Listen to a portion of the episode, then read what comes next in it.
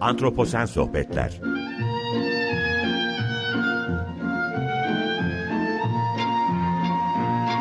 Hazırlayan ve sunan Utku Perktaş Merhaba, iyi akşamlar herkese. Antroposen Sohbetlere hoş geldiniz. Ben Utku Perktaş. Bu hafta orman yangınları üzerine konuşacağız. Geçtiğimiz hafta yangınlar ülke gündemini çok meşgul etti. Ciğerlerimiz yandı. Akdeniz Havzası'nda yoğun yangınlar görüldü esasında ve Türkiye'de bunlar arasında birinci sıradaydı. Ee, bugün bunun sebeplerini, orman yangınlarının Akdeniz Havzası için önemini ya da Akdeniz Havzası'na verdiği zararları bunları kapsamlı bir şekilde konuşmaya çalışacağız. Ancak konuya girmeden önce 2020 yılının aşırılıklar yılı olduğunun altını çizmek istiyorum. Ne anlamda aşırılıklar yılı?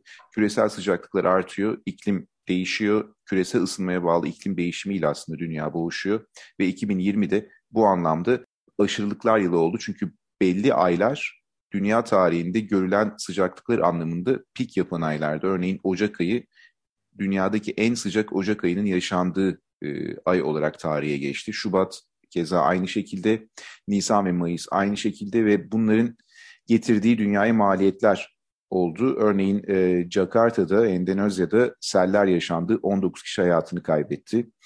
Kaliforniya'da, Sibirya'da e, yangınlar çıktı. Yine hatırlarsınız e, 2019 yılının esasında sonlarına doğru başlayan Avustralya'da görülen yangınlar 2020'de de devam etmişti ve dünya gündemini e, oldukça meşgul etmişti. Hem can kayıpları hem mal kayıpları hem ekonomiye ciddi anlamda zarar getirmişti Avustralya için ve bu e, dünyadaki aslında emisyonların da değişmesine sebep olmuştu. Çünkü orman aslında önemli bir e, habitat, önemli bir ekosistem. E, bu orman fonksiyonunu yitirmeye başlamıştı yangınlarla beraber. Fotosentez yaparaktan karbondioksiti atmosferden alıp oksijen e, veren ve belli ölçüde tabii ki küresel ısınmaya negatif katkı yapan esasında sera gazlarını azaltan orman yanarak tamamıyla fonksiyonunu bambaşka bir noktaya e, getirdi ve karbon salınımlarını karbon monoksit, karbondioksit ya da e, farklı sera gazlarının salınımlarına sebep olmuştu bu yangınlarla. Ve 2021'de 2020'nin devamı gibi aslında ülkemize bir maliyet getirdi ve yoğun orman yangınlarıyla boğuşmaya başladık. E, dünyada belli coğrafyalar aslında yangın coğrafyası olarak geçiyor. Avustralya bunlardan bir tanesi. Akdeniz Havzası bunlardan bir tanesi. Yangınlar burada görülüyor. Yangına adapte olmuş, evrimsel sürecinde yangınla e, evrimleşmiş bir takım bitkiler var. Ve bunlar aslında yangına ihtiyaç duyuyor kendini rejenere edebilmek için ama e, yaşadığımız yangınlar özellikle insana kadar e, çok ciddi zararlar verdi. Hem ekonomiye hem e, bir takım ne yazık ki ölümler yaşadık. E, bunlar çok olumsuz şeylerdi. E, küresel ısınmanın aslında maliyetini bir miktar biraz önce söylediğim gibi ödüyoruz Türkiye açısından da. E, ve tarihe aslında e, olumsuz bir e, olay olarak geçti. Şimdi yangınları ayrıntısıyla konuşacağız. Bugünkü konuğum e, Hacettepe Üniversitesi Biyoloji Bölümü öğretim üyesi Profesör Doktor Çağatay Tavşanoğlu. Kendisi bir yangın ekoloğu. E, aynı zamanda fonksiyonel ekoloji üzerine de çalışıyor, komüniteler üzerine çalışıyor Akdeniz'de ve e, konuyu ben kendisiyle tartışmaya çalışacağım. Çağatay hoş geldin, davetimi kabul ettin. E, bu yoğun gündemde e, ve buradasın. Çok teşekkür ediyorum. Hoş bulduk, merhaba. Ben hemen konuya girmek istiyorum. Ee, Akdeniz'deki yangınların önemi nedir? Akdeniz yangın coğrafyası olarak kabul ediliyor. Bu konuda ne söylersin? Nasıl başlarız bu soruyla? Ee, evet, Akdeniz havzasına baktığımızda işte Portekiz'den e, Lübnan'a, Suriye'ye, İsrail'e kadar, işte Kuzey Afrika'dan e, İta- İtalya, işte Yunanistan, Türkiye, İspanya, o Fransa tarafına kadar tüm bölge aslında yangınlarla milyonlarca yıldır haşır neşir olmuş bir e, yapıda. Bu sadece buradaki Akdeniz ikliminde değil aslında dünya üzerinde farklı noktalarda yer alan diğer Akdeniz tipi ekosistemlerde de geçerli ve hani dikkat ederseniz bu tip büyük yangınların son dönemde çok sık çıktığı yerler arasında bu Akdeniz ekosistemleri de var. Yani Akdeniz iklimli yerler bunlar dünyada. İşte evet. neresi? Mesela örnek olarak Kaliforniya'yı ya da Batı Avustralya'yı, Güney Avustralya'yı e, verebiliriz. E, Akdeniz coğrafyası neden yangınla ilişkili? Aslında burada tabii yangın milyonlarca yıldır ortada olduğu için buradaki bitkiler ve hayvanlar e, yangınla birlikte yaşamaya bir şekilde uyum sağlamışlar. Çeşitli karakterleri yoluyla e, yangından mesela yangını erken tespit edip kaçabilen hayvanlar var. E, yangından faydalanan hayvanlar var bazen üremek için. E, bitkiler, şu bitkilerin çoğu zaten yangını e, canlı olarak atlatıyor e, toprak altı organları sayesinde. E, bazı bitkiler ise yangından fayda görüyor. Kendi yeni rejenerasyonunu oluşturmak için yangını bir fırsat olarak görüp tohumları yoluyla çimlenerek yangından sonra tekrar alanda var olabiliyor. Bu, bu anlamıyla bu kadar adaptasyonun bir arada görülmesi anlamında dünyada biraz eşsiz bir konumda Akdeniz tipi ekosistemler. Yani dünyada birçok yer yanıyor. Afrika savanları Akdeniz'den çok daha sık yanıyor. Yani yılda evet. bir, bir kere iki kere yangın görülebiliyor. O kadar sık yanabiliyor. Otlaklar, çayırlar şeklinde. Ama mesela orada bu tarz geniş bir e, adaptasyon çeşitliliği göremiyoruz. Ama Avustralya'ya gittiğinizde, Güney Afrika'nın Kap bölgesine, Kaliforniya ya da bizim bulunduğumuz Akdeniz coğrafyasına gittiğinizde buralarda canlıların çok yani hayatta kalabilmek için bu yangın rejimlerine karşı çok değişik yöntemler bulduklarını görüyoruz. Ve tabii bunlar sadece Akdeniz ekosistemlerde ortaya çıkmamış. Yani filogenetik olarak baktığımızda evrimsel olarak çok çok eskilere gidiyor. Ee, bazı karakterler, yangınla ilişkili karakterler 130 milyon yıl öncesinde ortaya çıkmış mesela e, çalışmalara göre. E, dolayısıyla da bunlar geçmişteki çok eski e, yangın rejimleri sırasında ortaya çıkmış karakterler ama bitkilerde bir şekilde kalmışlar ve dolayısıyla da Akdeniz iklimi bu şekilde olduğu için burada kurak bir dönem, sonra yağışlı bir dönem ve yoğun bir vejetasyon, e, yoğun bir üretkenlik var. Dolayısıyla da burada ancak açıkçası yangına bu şekilde cevap verebilen türler yaşamış. Yani bunu böyle açıklayabiliriz. E, ve e, bazı bitkilerde iki, birkaç milyon yıl içinde bu özellikleri e, kazanmışlar yangınla adaptasyon özelliğini. Dolayısıyla da neden Akdeniz ormanları yanıyor? Çünkü Akdeniz ormanlarında kuraklık var Akdeniz iklimi gereği. Akdeniz bitkileri yangına adapte. O yüzden e, çoğunlukla yanmaktan şöyle diyelim kaba bir tabirle gocunmuyorlar aslında. Neden? Çünkü e, yanmak onun, onlar için avantajlı. Yangına adapte olmamış bitkilerin bu alanlara girmesini engelliyorlar bu sayede. O yüzden de bir sürü bitki e, kendi e, dokularında yanıcı e, özellikteki maddeleri biriktiriyorlar ve bunlar aslında o vejetasyonun hız, hızlıca yanabilmesini sağlıyor. Yani birçok karakteri bitkinin, farklı farklı bitkilerin karakterleri yanmanın hızlanması üzerine e, odaklanmış durumda. Yani bitki kendisi yanmak istiyor zaten. Aslında bizim insan olarak tabii bize çok uzak geliyor. Çünkü yangını hep bir e, yok edici etmen olarak görüyoruz. Özellikle de bize doğru geldiğinde, kentlerimize, ekonomik, ekonomik olarak önemli noktalarımıza geldiğinde e, çok ciddi e, zararlar görüyoruz e, büyük yangınlardan. Ama aslında bunun doğal bir sistem olduğunu e, ve yangının doğal, bu doğal sistemin bir parça, parçası olduğunu unutmamamız lazım.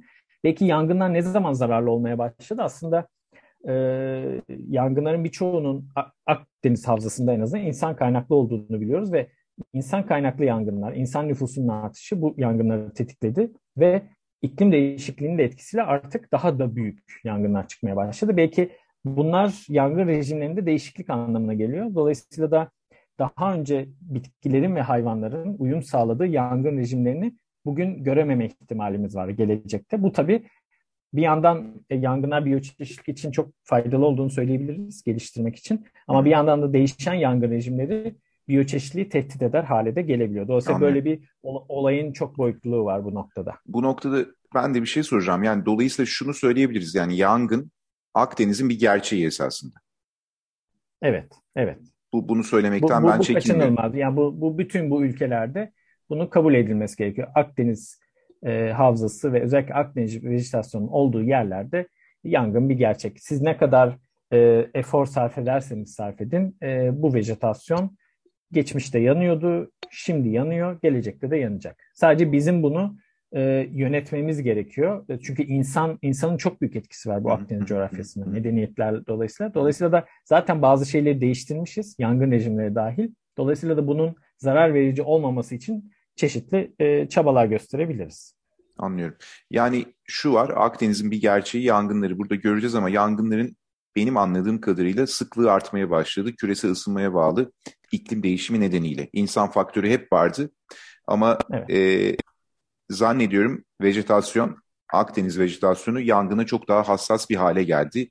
küresel ısınmayla beraber. Evet, bunu söyleyebiliriz. Bunu söyleyebiliriz. Çünkü küresel ısınmanın getirdiği şey aslında küresel ısınmanın kendisinden dolayı değil ama dolaylı olarak işte sıcak hava dalgalarının daha sık ger- gerçekleşmesi, kuraklığın artması, yağışın azalması e, bunlar hep yangını e, yangının büyümesini, yangının şiddetini bir yangın çıktığında artıran etmenler. Dolayısıyla da ama burada küresel ısınmanın etkilerini yavaş yavaş biz e, bu coğrafyada da görmeye başladığımızı söyleyebiliriz. Anlıyorum.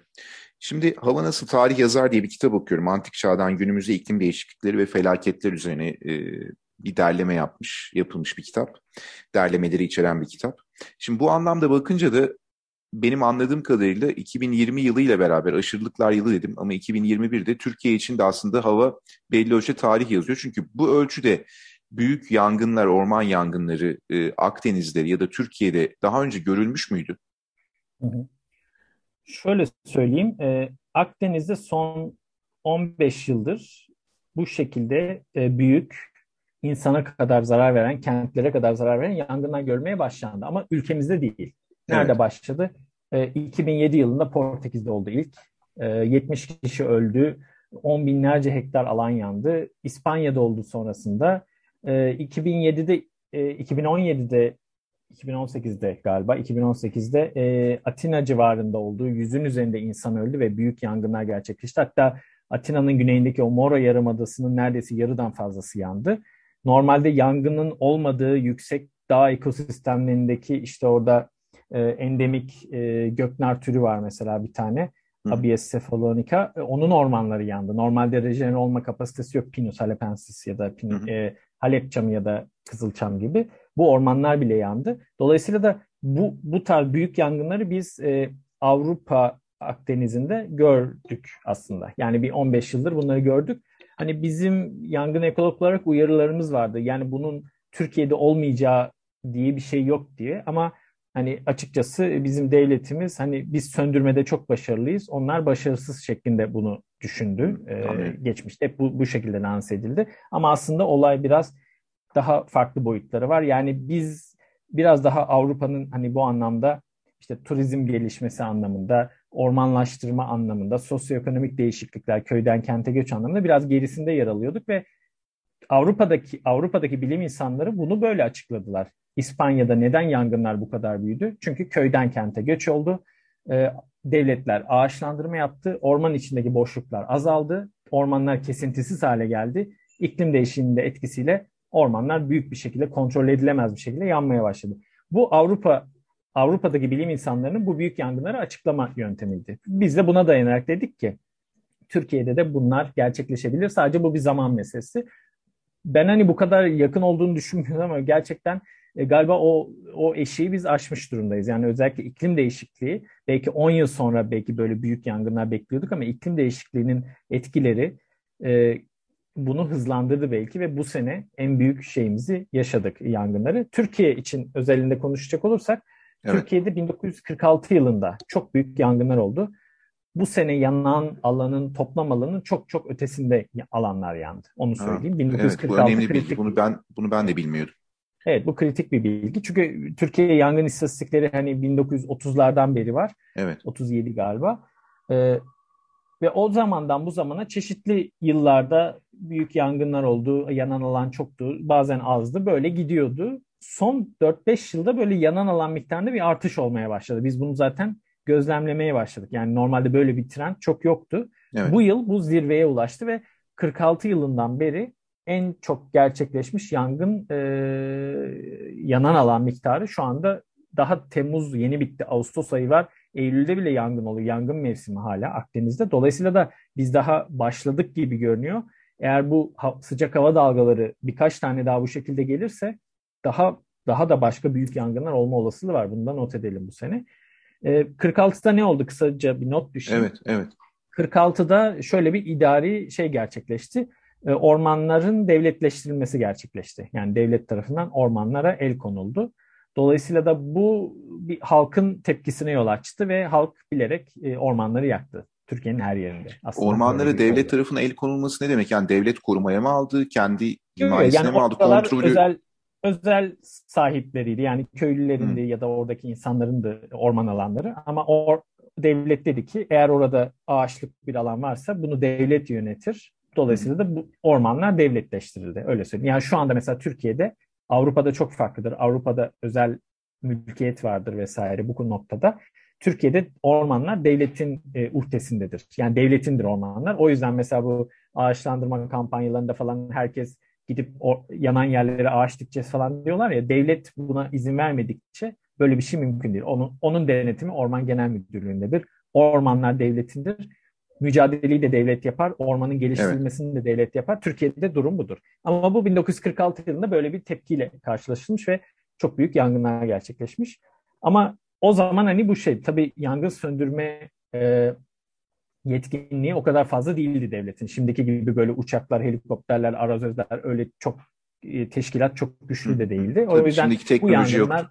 Evet durdurulamadı ve büyüdü falan. Şimdiki tabii ilginç nokta bu kadar yüksek teknolojilere işte bu kadar e, imkanları imkanlara ve gelişmiş hani yangın söndürme konusunda gelişmiş bir bilime rağmen e, bu kadar alanın yanıyor olması. Dolayısıyla buna artık e, hani söndürme imkansızlıklarıyla bir miktar açıklayabiliyoruz. İşte uçak tartışmasında olduğu gibi az uçağımızın olması belki etki olabilir. Ama bu kadar yangınların büyümesindeki en önemli etkenin e, mevcut e, gerçekleşen sıcak hava dalgası. Dolayısıyla da iklim değişikliği olduğunu e, söylemek mümkün olabilir. Anladım. Şimdi bu noktada bir şey daha soracağım. Özellikle bu Akdeniz ormanları yanıyor, bitkiler, ormanın bileşenleri buna hassas dedik ama bu Akdeniz ormanlarını kendi ülkemizi düşündüğümüzde de yani kendi ülkemiz özelinden belki Akdeniz havzasına yayılabiliriz. O komünitenin en dominant ya da baskın türü hangisi? Kızılçam mı? Kızılçam dışında Karaçamlar yangına bu kadar hassas mı? Nasıl bir komünite yapısı var? Yani şöyle Akdeniz'de aslında yükseklik kuşağına göre farklı e, dominant bitkiler var. Öyle diyelim baskın evet. bitkiler var. E, alçak zonda aslında iki farklı alternatif var e, Akdeniz'de. Birisi Kızılçam ormanları. Hani iddia edildiği gibi Kızılçam öyle e, yabancı bir tür değildir. Buraların e, milyonlarca yıllık evet, yaşayan evet, türüdür. Evet. Dolayısıyla doğal ormanlardır. E, onun haricinde alternatif olarak yine alçak zonda e, maki çıllıkları yer alır. Ya burada işte sandal ağacından e, sakız ağacına kadar, e, meşelerden işte menengiçe kadar çok çeşitli Akdeniz bitkileri doğal olarak yer alır. Bu ikisi de aslında doğal doğal e, vejetasyondur alçak zonun ve alçak zonda en çok yangınlar gerçekleştiği için bu iki vejetasyon da yangına karşı iyi bir şekilde kendini yeniler. E, biraz yükseklere çıktığınızda işte bahsettiğim Karaçam e, sedir ormanları, Karaçam ve sedir ormanları başlayabilir e, değişik yerlere göre. Şimdi bu ormanlar daha yükseklerde yer aldığı için artık böyle bin metrenin ötesinde bunlar başlar. Yer yer, yer değişmekle birlikte 1200-1300'lerde işte 1500'lerde de olabilir. Şimdi buralarda yangınlar tabii sıcaklığın etkisi daha az olduğu için kurutucu rüzgarlar buralara daha az gelebildiği için vesaire yangınlar daha az olur. Böyle şiddetli tepe yangınları olmaz normal şartlar altında. Dolayısıyla da burada örtü yangınları olur. Sadece yüzeyden ilerleyen, ağaçları yakmayan örtü yangınları otları altta bulunan çalıları falan yakar. Ee, dolayısıyla buradaki bitkiler özellikle karaçam mesela ağacı e, kızılçam gibi yangından sonra ölüp sonra kendini tohumlarıyla yenileyebilecek özelliklere sahip değildir. Hı hı. Karaçam tam tersine daha da kalın bir kabuğa sahiptir ve kalın kabuğu sayesinde örtü yangınlarına karşı dirençlidir. Yani bir yangın geldiğinde şeyinde e, kabuğu sayesinde e, o yangına direnir aslında. Çünkü yani kolay yanmaz. Yanmaz. Evet. Az, az şiddetli bir yangındır. Bu bu da e, yüksek dağ ormanlarının avantajıdır aslında hani bu anlamda hı hı. kendilerini yangına karşı bir direnç oluşturmuşlar. Peki Şimdi dolayısıyla da iklim değişikliğinin en büyük olası etkilerinden biri bu büyük yangınların, tepe yangınlarının daha yükseklere doğru ilerliyor olması. Ee, Karaçam ormanları bu anlamda çok ciddi tehdit altında olabilir Akdeniz Hı. coğrafyasında. Evet onu soracaktım. Çünkü, evet tepe yangınlarına bir adaptasyonları yok. Bu bir risk tabii. Peki yani şu, o zaman şunu da söyleyebiliriz. Kızılçam yangına alışkın bir tür ve yan, yanıyor yani kendini rejenere edebilmek için ama Karaçam yandığında ne kadar direnç gösterirse göstersin yüksek ya da yani büyük yangınlara direnç gösteremeden yanarsa kendini rejenere etmesi Kızılçam gibi değil. Onlar daha zor rejenere edecek. Yani bir Kızılçam ormanı e, uygun koşullar varsa, yeterince tohum varsa e, 30-40 yılda eski haline gelebilir aşağı yukarı. E, ama bir Karaçam Ormanı'nın tekrar yandıktan sonra böyle büyük bir yangından sonra eski haline gelmesi birkaç yüzyıl alabilir. Hmm, o zaman Çünkü önemli Kızılçam bir Ormanı tabii fark var. bir biyoçeşitlilik kaybı da denebilir eğer yangın Karaçam'ı tabii, tabii, tabii, tehdit ederse. Tabii. Çünkü şöyle yangın doğanın bir bileşeni ama yangını tek başına yangın doğaldır demek aslında doğru bir terim değil. Yangın rejimi aslında doğaldır. Yani Akdeniz'in alçak zonunda tepe yangın rejimleri vardır. Bu doğaldır. Bitkiler buna direnç yani e, toparlanabilirler bundan sonra. Akdeniz'in daha zonunda e, örtü yangın rejimleri vardır. Bu doğaldır ama tepe yangını burada doğal değildir. Tepe yangını geldiğinde Karaçam ormanları büyük zarar görür ve hatta iklim değişikliğinden dolayı alçak zon bitkilerinin yavaş yavaş yükseklere doğru çıktığını biliyoruz. Hani dünyada hep böyle görüyoruz. Dolayısıyla da Kızılçam ormanları ve makilikler giderek ge- gelecek 10 yıllarda e, yavaş yavaş Karaçam ormanlarının yerini alabilirler. Eğer böyle yangınlarla birlikte gelecekse. Çünkü yangın onların yayılımını pozitif yönde etkileyebilir yükseklere doğru. Bu tabii e, henüz bunlarla ilgili böyle çok somut çalışmalar yok ama modelleme çalışmaları biraz bunların sinyallerini veriyor, görüyoruz. Anlıyorum. Çağatay bir şey daha soracağım bu noktada. Örneğin e, yani bu ormanlar içerisinde örneğin işte keçilerin var olması ve evet. özellikle de tabandaki yani orman zeminindeki otları e, yemesi ya da bunları ortadan kaldırması yangın çıkmasına bir engel teşkil eder mi? Bu pozitif bir katkı yapar mı? Yani şöyle olumlu anlamda bir yangını e, körükleyen değil de hani yangını önleyen bir etki yapar mı? E, bunların yani bu yaban hayvanlarının özellikle bu tür faaliyetleri e, nasıl değerlendirilebilir? Hı hı. Yani otlatma faaliyeti bu anlamda yangının e, büyüme riskini azaltan hatta yangın çık çıkma riskini azaltan bir faktördür. Yani bir yerde otlayan hayvanlar varsa bu evcil ya da yaban olabilir. Hı hı. E, otlayan hayvanlar varsa bunlar oradaki bitkileri yangından önce tükettikleri için aslında en azından bir miktar bir yangın çıktığında onun yayılma hızını yavaşlatabilirler. E, ya, örtü yangının örtüde giden yangının tepe yangınına dönüşme ihtimalini azaltabilirler. Dolayısıyla da otlatma ile yangın böyle doğada sanki rekabet eden iki olgudur böyle. Çok fazla otlatmanın olduğu yerde yangın olmaz.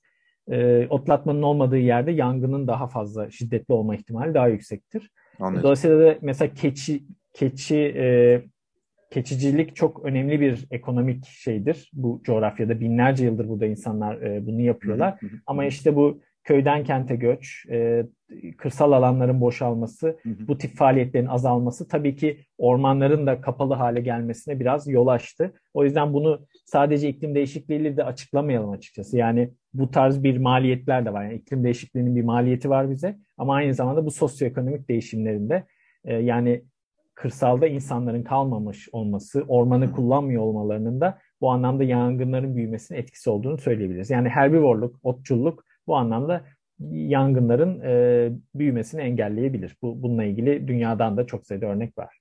Anladım, tamam. E, son olarak da şeyi soracağım. Şimdi Kızılçam yanıyor ve e, bunu aslında kendini rejenere etmek için kullanıyor. Bu ağaçların, e, bu türün yangın adaptasyonları nasıl? Yandıktan sonra ne oluyor? Kozolaklar mı açılıyor, tohumlar mı yayılıyor? Nasıl cevap veriyor yangına, yangın bittikten evet. sonra? Kızılçam'da kozalağını e, belli bir miktarda kozalağını yıllar boyunca kapalı tutma özelliği var. Normalde bitkiler e, üreme yani tohumlarını oluşturduktan sonra bunları yayarlar ve yeni fideler e, oluşturmak için yani yeni nesil oluşturmak için bunu yayarlar. Ama Kızılçam bunu e, bizim araştırmalarımıza göre e, maksimum 5 yıl e, kapalı tutuyor Hı. bazı kozalaklarını. Evet. Bu bir aslında şey e, risk azaltma stratejisi. Çünkü yangın geldiğinde o kozalak pulları o kadar sıkı bir şekilde kapalı ki evet. kozalak kapalı kozalağın içindeki e, şey sıcaklıklar çok yükselmiyor ve tohumlar yangını canlı atlatmış oluyor. Bitki ölse bile yani ağaç evet. yansa bile aslında. Yangından sonra da kozalak pullarını bir arada tutan reçine eridiği için sıcaktan dolayı e, yangından birkaç hafta sonra bu kozalak pulları açılıyor ve e, tohumlar e, böyle dağılıyorlar ortama ve rekabetçe boş, ışığın olduğu, normalde ışık olmadığında çimlenmesi de zor oluyor bu ağaçların. Böyle bir ortama düşüveriyor ve çimlenebiliyor. Dolayısıyla da bu, bu adaptasyon dünyanın başka yerlerinde de birçok türde Avustralya'da ve Güney Afrika'da çok yaygındır.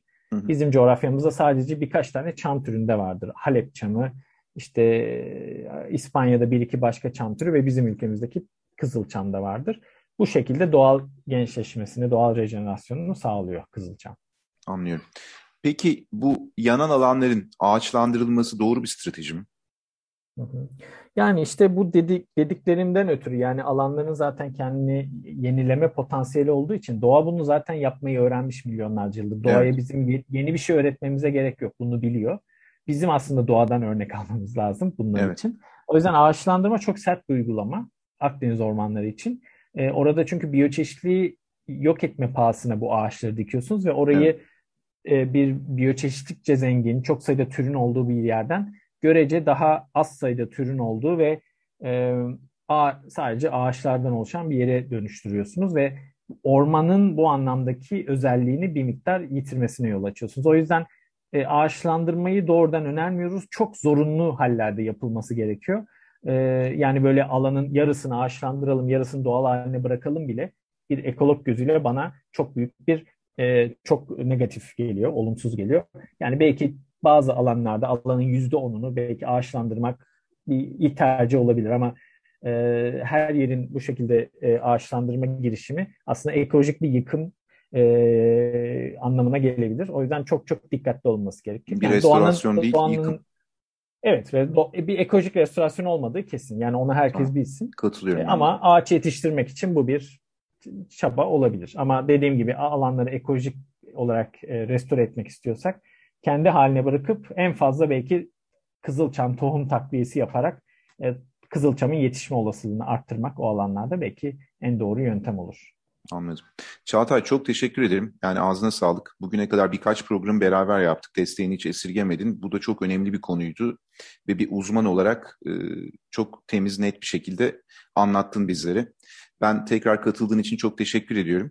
E, ben de teşekkür ederim. Sağ ol çağırdığın için her zaman. E, süremizin sonuna geldik. Ben dinleyicilerimize iyi akşamlar diliyorum. Çağatay iyi akşamlar diliyorum sana da. E, tekrar görüşmek üzere. Önümüzdeki hafta Antroposen Sohbetler'de yeni bir konukla, yeni bir konuyla beraber olacağız. Hoşçakalın. Antroposen Sohbetler